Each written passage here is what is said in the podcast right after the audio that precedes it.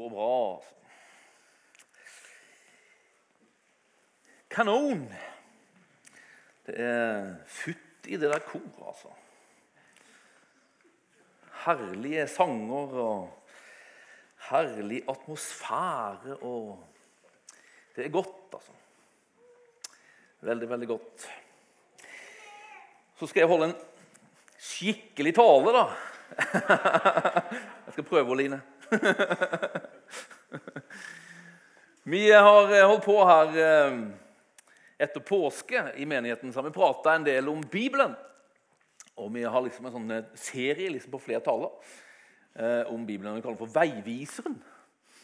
Og det her er del tre, men det er liksom ikke en sånn fortsettelsesserie som gjør liksom at du må ha vært med på alle. Så du klarer deg veldig greit hvis det er det første du hører. Jeg eh, hadde jo gjerne sagt at de ligger ute, og du kan høre på det på, liksom på eh, podkasten, men eh, de ligger ikke ute heller. så, så, så, du får liksom bare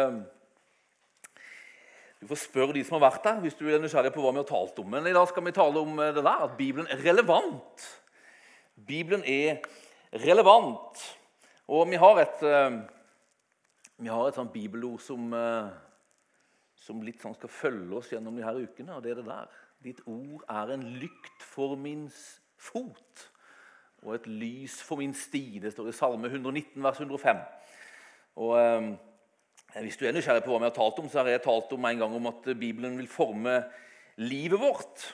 Og så har Kristine talt en gang om at Bibelen vil være en autoritet for oss. Så det har vi talt ut fra det der. Men i dag handler det om at Bibelen er relevant. Og da er jo spørsmålet hva betyr det er? Å være relevant. Og I store norske leksikon så, så, beskrives ordet 'relevant' som noe som er aktuelt for oss.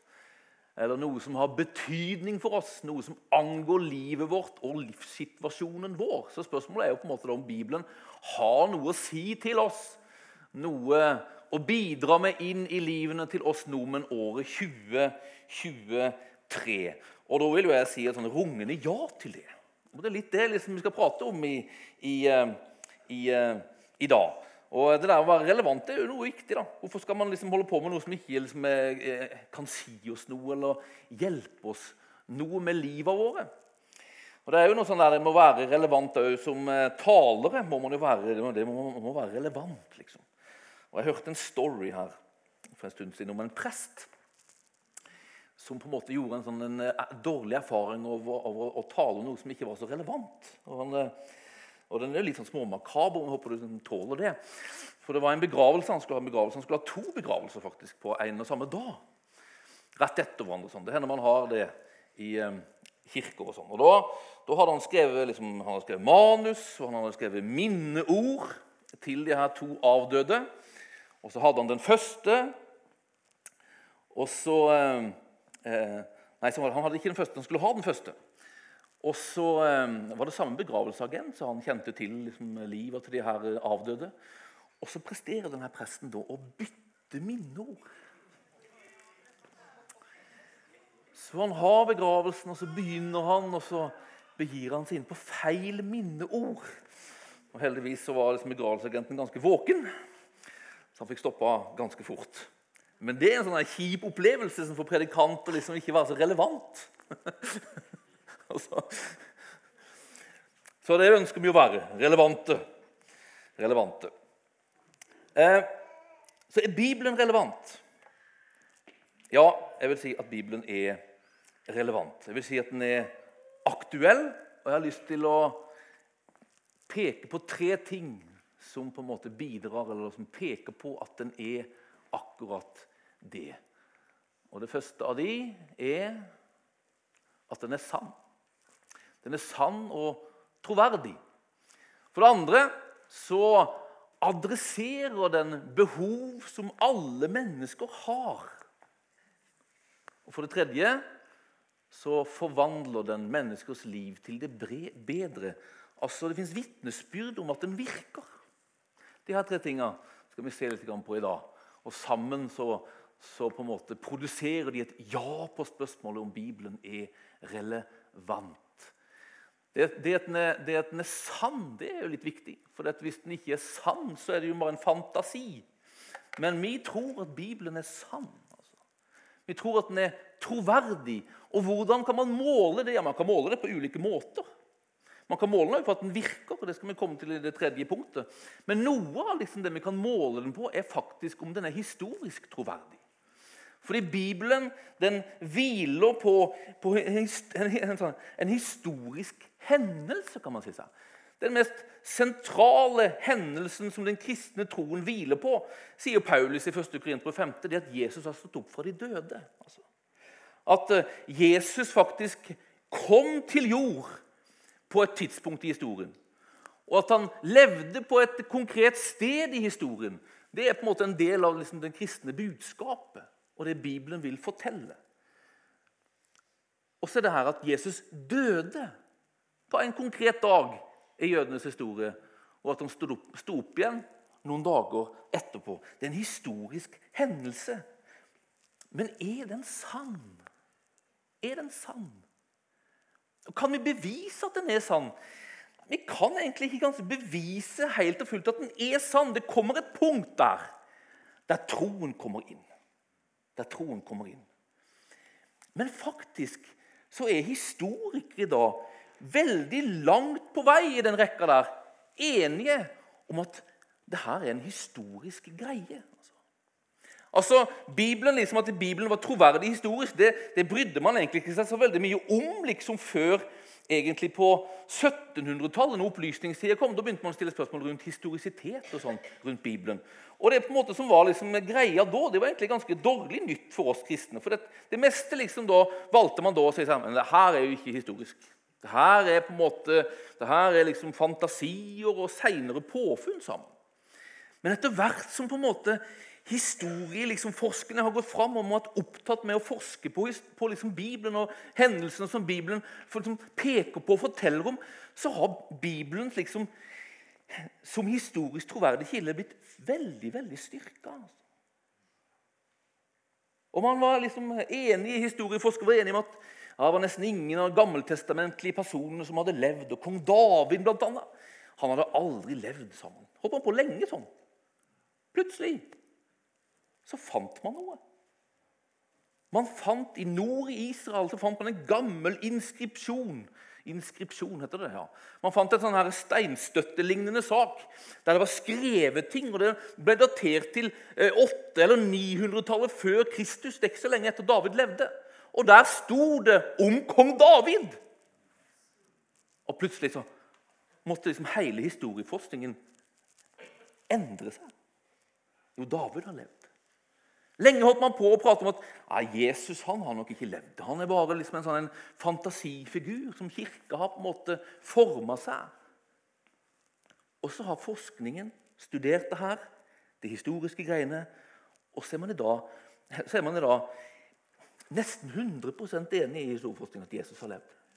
99% bruker man å si. Det er aldri noe som er 100% i forskning. skjønner du. Altså, det er omtrent som sånn holocaust-fornektere. ikke sant? Du har alle bevis på at det fantes noe som heter liksom gasskammer i andre verdenskrig. Millioner av jøder ble drept og tatt livet av. Men det er likevel historieforskere som sier nei, det har aldri skjedd. Men 99% av alle historieforskere sier at holocaust skjedde. Og på samme nivå er vi faktisk i dag når det gjelder Jesus. 99% av alle forskere, historieforskere Jeg prater ikke om kristne historieforskere, jeg prater om kristne ateister agnostikere, alle typer av historieforskere. 99% er enige om at Jesus har levd. Jeg har en bok hjemme som jeg bladde litt i. Den her, 'Bedrock of Christianity'. Den er på engelsk, så du må kunne litt engelsk. Men er du interessert i det der, så les den der. Den sier dette tinget her. Har Jesus levd? Ja. 99% av alle historieforskere sier ja han har levd. Og så stopper det ikke der. Fordi historieforskningene, de forsker liksom på det her. Og, og, ser så her, og så på en måte har de kommet fram til det her. Ja, er Nytestamentet faktisk øyenvitneskildringer? Er det liksom Paulus og de her gutta som har skrevet Det nye testamentet, som har skrevet brev av Paulus? Er det Paulus som har skrevet Paulus' brev? Eller er det bare noe som kirka har funnet på mange hundre år etterpå? Det trodde man ganske lenge. liksom. Men nei, man har kommet fram til det. Det er faktisk troverdig, det er faktisk sannsynlig at Paulus har skrevet Nytestamentet. Det er sannsynlig at Paulus har skrevet 1. Korinter 15, der han beskriver hvordan Jesus ble drept på et kors, hvordan han sto opp igjen på tredje dag, hvordan det her ble bevitna av mange. Ja, til og med 500 på én gang, sier Paulus. Så det her. Og så sier han og mange av de lever fortsatt, skriver Paulus der. Så bare spør de.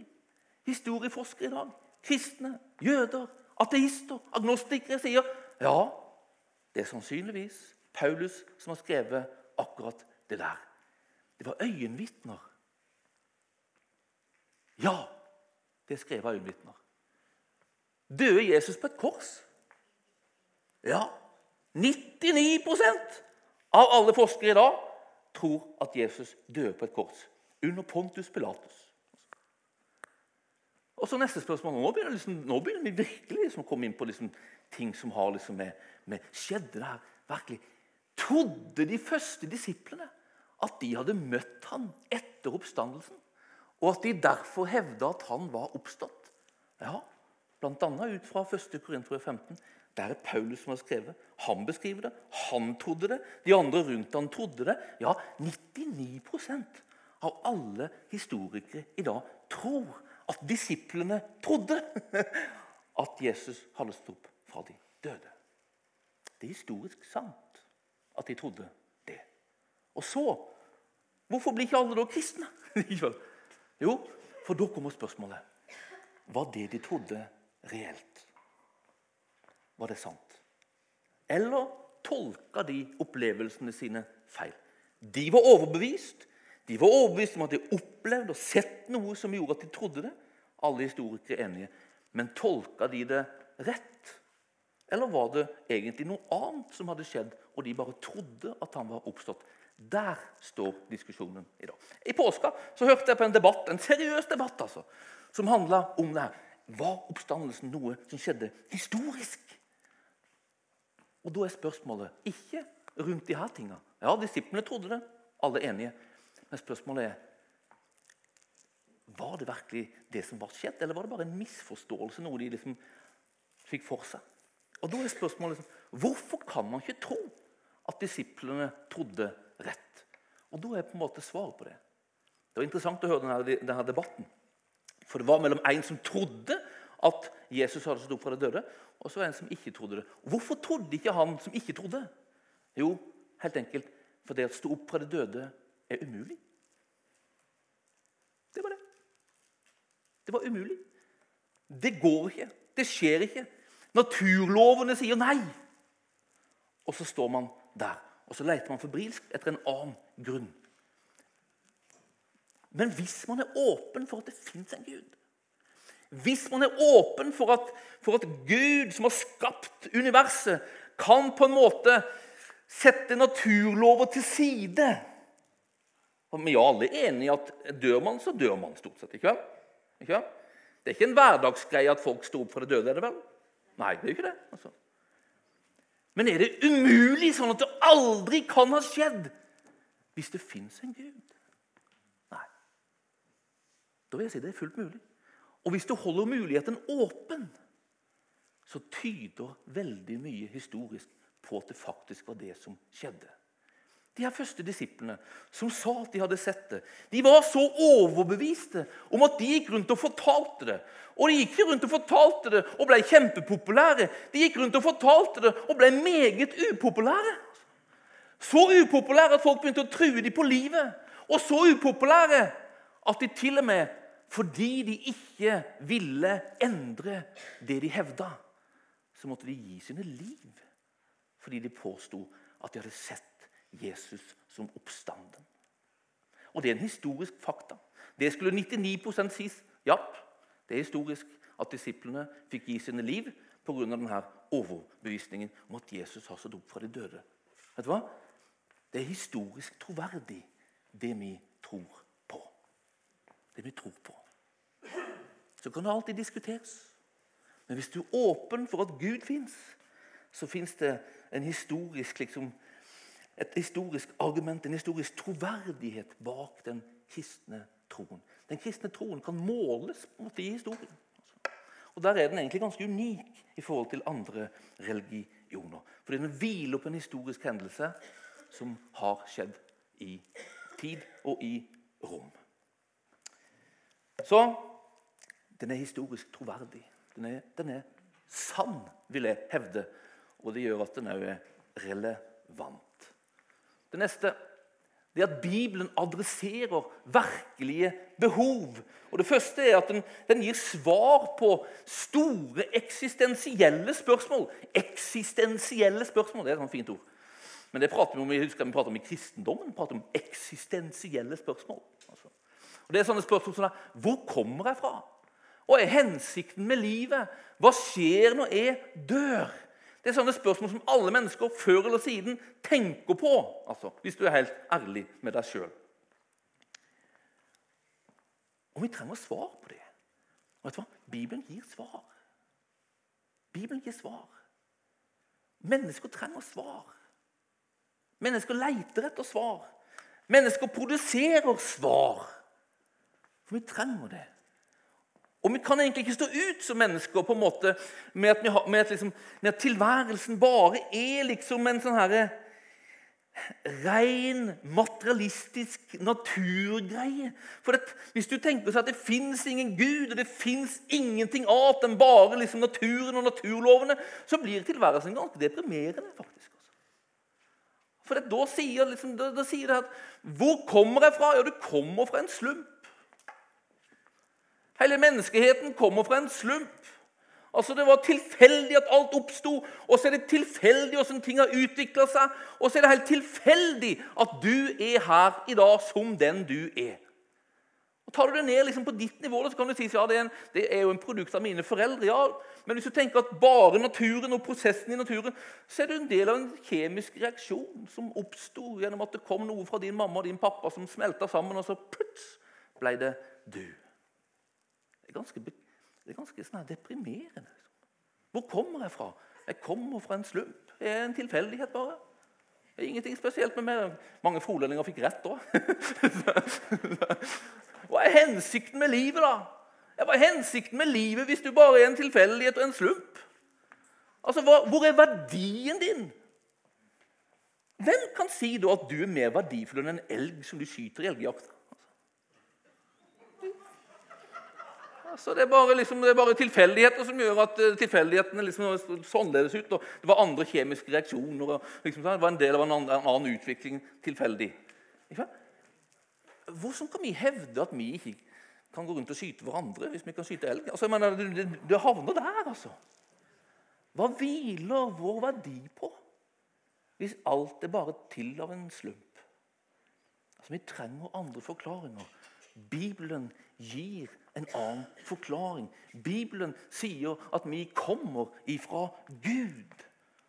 En kjærlighetsfull Gud som er meget bevisst skapte du og meg. Salme 129 står det at du er liksom, er designa altså, av Gud. Du er liksom kommet til i hans hjerte, nærmest. altså. Og han har forma deg, skriver David der. altså. Han har tenkt på deg. altså. Du er tenkt på, sier Bibelen. Du skapte hans bilde, sier Bibelen. Det gir mennesket en verdi. Altså. Og det gir mening med livet. For Bibelen sier at du er skapt for å leve med Han.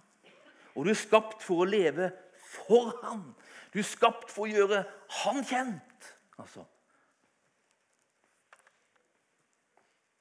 Det gir livet hensikt. Og så er spørsmålet som alle kjemper med hva skjer når jeg dør. Når du dør, så skal du fortsette å være med Han, sier Bibelen. Tenk hvor deprimerende livet er på en måte hvis det ikke det fins noe mer enn bare det vi kan ta på, og det vi kan måle. Hva skjer når du dør? Ingenting. Da er det slutt. Tenk å komme fra en tilfeldighet av en slump og leve uten verdi, og så slokner alt etter 80 år. That's life. Hva er livet? Hva er hensikten med livet? Ja, Det er å forplante meg. Og det å gjøre livet bra for neste generasjon. Ja, men hva, hva da for liv skal de få? 80 år, og så ingenting. Jeg syns det blir deprimerende. Men Bibelen gir et ikke-deprimerende svar. Bibelen gir et svar som vi egentlig lengter etter. Altså, for hensikten med livet ifølge Bibelen er å leve i fellesskap med en Gud som elsker. Vi er til, kommet til av kjærlighet for å leve i kjærlighet. Og så er på en måte målet det er en evighet med Han i en kjærlighetstilværelse full av fred og glede. Bibelen gir svar på de store eksistensielle spørsmålene. Og så, hvis neste bilde kommer, så er òg Bibelen er med på å bringe håp. Håp. Et håp er i dag mangelvare. Mennesker er i behov av håp. Mennesker er i behov av håp. Man bruker å si så her at så lenge det er liv, er det håp. bruker man si. Men forskningen sier faktisk at så lenge det er håp, er det liv. Uten håp så er det vanskelig å leve. Jeg hørte en, en eller annen forskningsrapport som handler om, om andre verdenskrig og jøder som hadde liksom kommet igjennom og overlevd konsentrasjonsleirer. Og som var liksom den store forskjellen på de som kom seg igjennom og overlevde konsentrasjonsleirer, og de som bukka under og døde? Den store forskjellen var at de som kom seg igjennom, hadde bevart håp. Et håp gir styrke. Håp gir kraft til å fortsette til å holde ut og til å komme igjennom. Mens håpløshet gjør at du bare bukker under. Det suger kraft. Og til slutt så tar det liv. Vi trenger håp. Vi trenger håp. Bibelen peker på et håp. Peker på et håp. Vi er lever i en, et land og i en generasjon der håpet er virkelig er trua. Der økonomien er trua. Der freden er trua. Der miljøet og hele jordkloden er trua. Hele troen på framtiden vakler. Håp har jo med framtidstro å gjøre. Troen på at framtiden kan være lys, kan være bra, at morgendagen kan være bedre enn i dag, det er håpet. Og vi trenger det. Og Bibelen peker på håp. Bibelen peker på håp. Den peker på håp i dette livet. Bibelen er veldig ærlig på dette livet. At dette livet er ikke et liv liksom i fryd og gammen bare. Dette livet det er et liv som er full av vanskeligheter. Det fins ondskap i verden. Litt ondskap som er liksom ute etter å, å skape omstendigheter som er vanskelige. Det, Jesus han sier så her at, at det er sånn at uh, så lenge man tror på Jesus, så kommer alt til å være fryd og gammen. Han sier sånn, I denne verden sier han til de som tror på ham, kommer dere til å ha trengsler. sier han. Det kommer til å være vanskelig her. Men det fins et håp. Det fins et håp. Det fins et håp. Det fins løfter fra Jesus gitt at han vil være med oss i trengslene. Uansett om livet er vanskelig og tøft her, uansett om økonomien skranter, uansett om du er full av frykt for planetens framtid eller krigen som truer Han har lova å være med oss alltid. Alltid. Det er håp, det. I det håpløse. Han vil være lys i mørket Håp i det håpløse. Paulus beskriver Gud i Rombrevet 15 som håpets Gud. Håpets Gud. Bibelen peker på et håp i dag. Og så peker Bibelen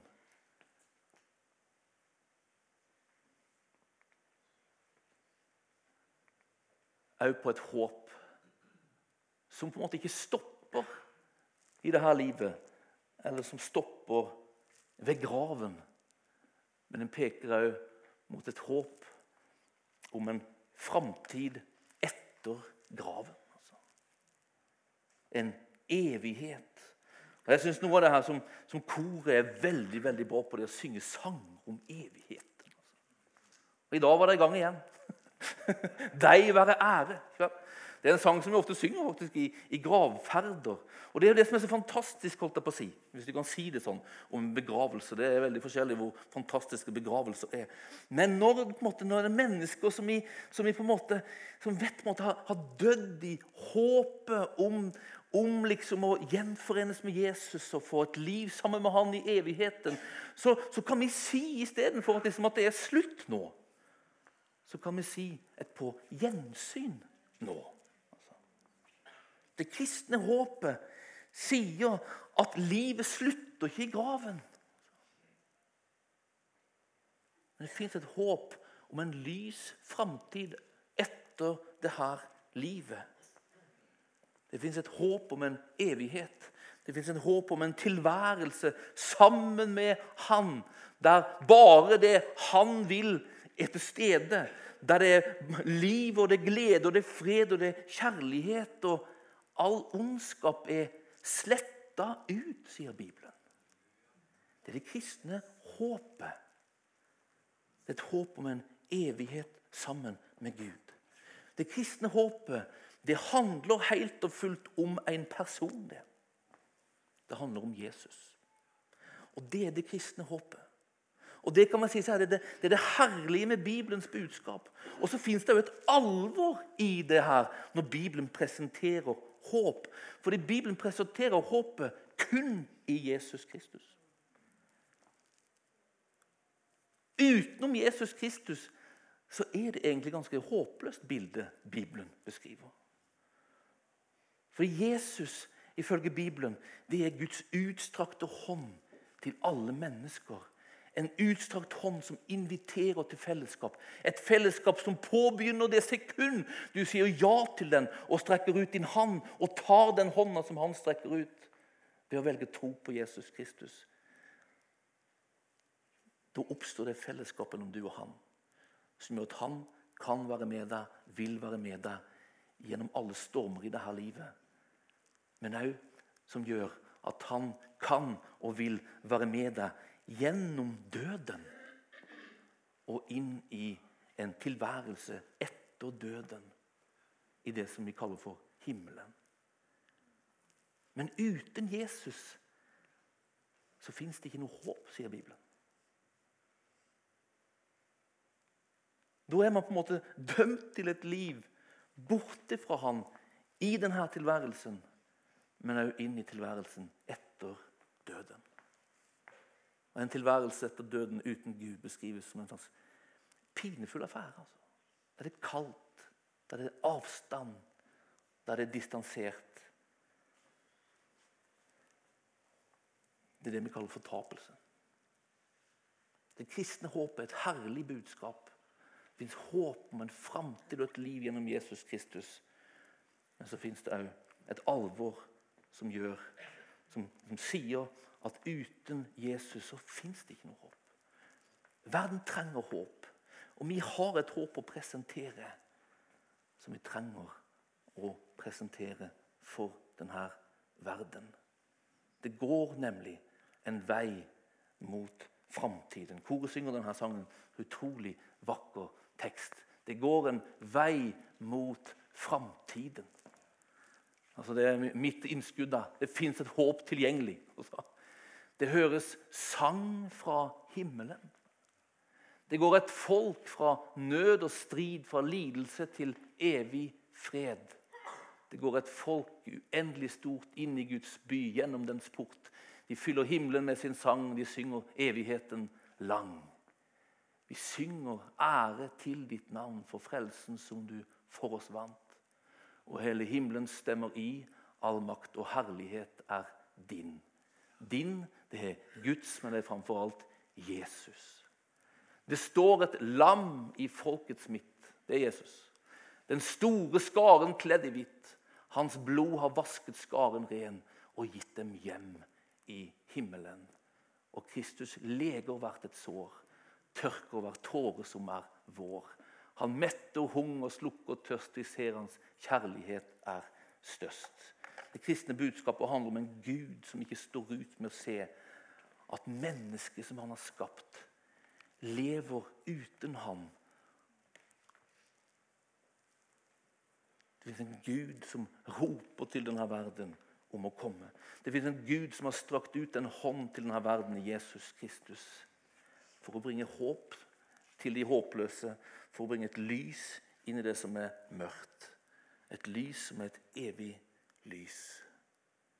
Det fins en himmel tilgjengelig ved troen på personen Jesus Kristus og hva han har gjort. Det er det kristne håpet, og det er det Bibelen tilbyr mennesker, og det er det mennesker, hvert menneske trenger å høre.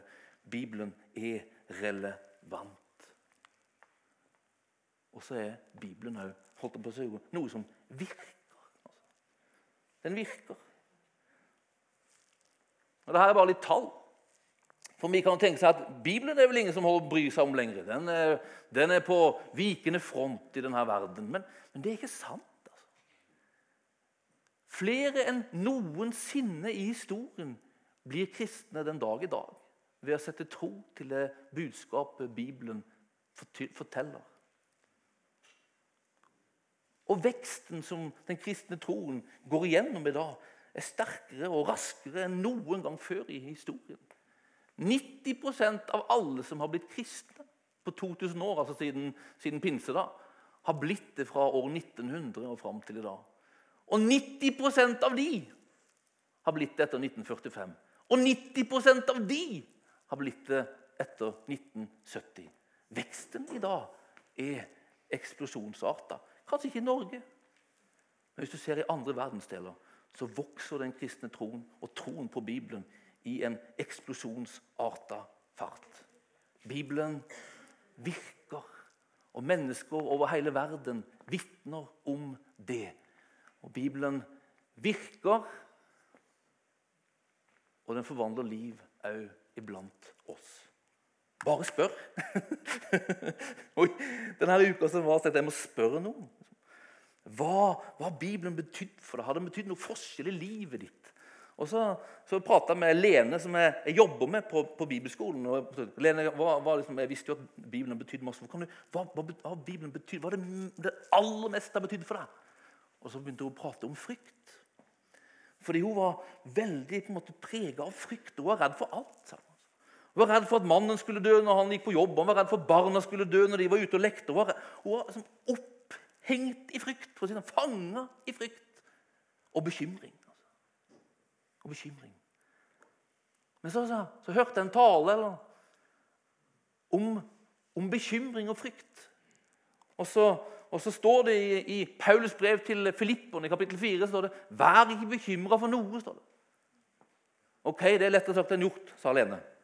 Men så leste hun videre, men legg alt dere har på hjertet altså av bekymring, framfor Gud. Be og kall på ham med takk. Og så tenkte jeg, ok, så tenkte hun. Da gjør jeg det, da. Så hun gjorde det. Og så skrev hun en lapp og skrev på en serviett så hun hang på kjøleskapet. Og så står det 'Vær ikke bekymra. Legg alt framfor Gud', sto det på denne. Sånn huskelapp. Og så begynte hun med det som sånn livsstil. Og hun sa gradvis så var det som at frykten på en måte slapp taket. Og bekymring det ble mindre og mindre av det. Hun sa seg, når jeg på en måte holdt på og begynte med det, så, tror jeg, så, så, så kom på en måte tanker og frykt sikkert 100 ganger om dagen. Jeg måtte overdrevet litt, altså, men hun sa det. 100 ganger om dagen. Men etter hvert så ble det mindre og mindre. Mindre og mindre bekymring. Og mer og mer istedenfor en slags tillit til Gud. Trygghet hos Gud. Fred, som Paulus beskriver her. Kom istedenfor bekymring. Og i dag sier hun, så er det nesten sånn at jeg er litt for lite bekymra. Jeg kan ta meg selv, Her burde jeg være bekymra. Men nå er ikke det. Så da prata jeg med Lene. vet du. Og så tenkte jeg jeg må ha noen til. tenkte Jeg Jeg må ha noen som er iblant oss. Og kom tenk på, hmm, Lene Kløfjell kan man få tenke på. Og så slo ikke det med at det var Lene det, men jeg spurte Lene. Hva har liksom Guds ord betydde for du? Og så, så begynte hun. Ja, det der med bekymring. Og det der med frykt. Så tenkte jeg, Ja, det her, er- hva, er det her, liksom? Jeg tenkte, Kanskje det er noen her i dag altså, som kjemper med bekymring og frykt. Og Lenes vitnesbyrd er veldig likt. altså. Og Hvordan på en måte hun kunne kjenne på frykt og bekymring. Og så plutselig så fått et bibelord. Og det bibelordet som betydde for mye for Lene, og har betydd mye for Lene, det står i 1. Peter 5. Kast all deres bekymring på han, for han har omsorg for dere. Og det begynte Lene å gjøre. Og gjorde det i bønn. Jeg vet ikke hvordan det så ut om hun sto der og kasta. Det går an å gjøre det, men, men ellers i hvert fall, så legger det over på Gud i bønn. Og så begynner det å skje noe. Og så begynner frykten å miste taket. Og så begynner Guds ord å bety en forskjell inn i livet våre. Mange vitner om det der. Guds ord fungerer. Derfor er ordet relevant. Det er veldig relevant det hvis du er full av frykt og trenger å bli kvitt noe frykt. Og så fins det noe som hjelper. Da er det plutselig relevant. ikke vel? Guds ord, det hjelper, det virker, vil jeg hevde, og mange med meg. Og det gjør at jeg mener at Guds ord, Bibelen, er relevant i dag. Amen. Amen, amen, amen.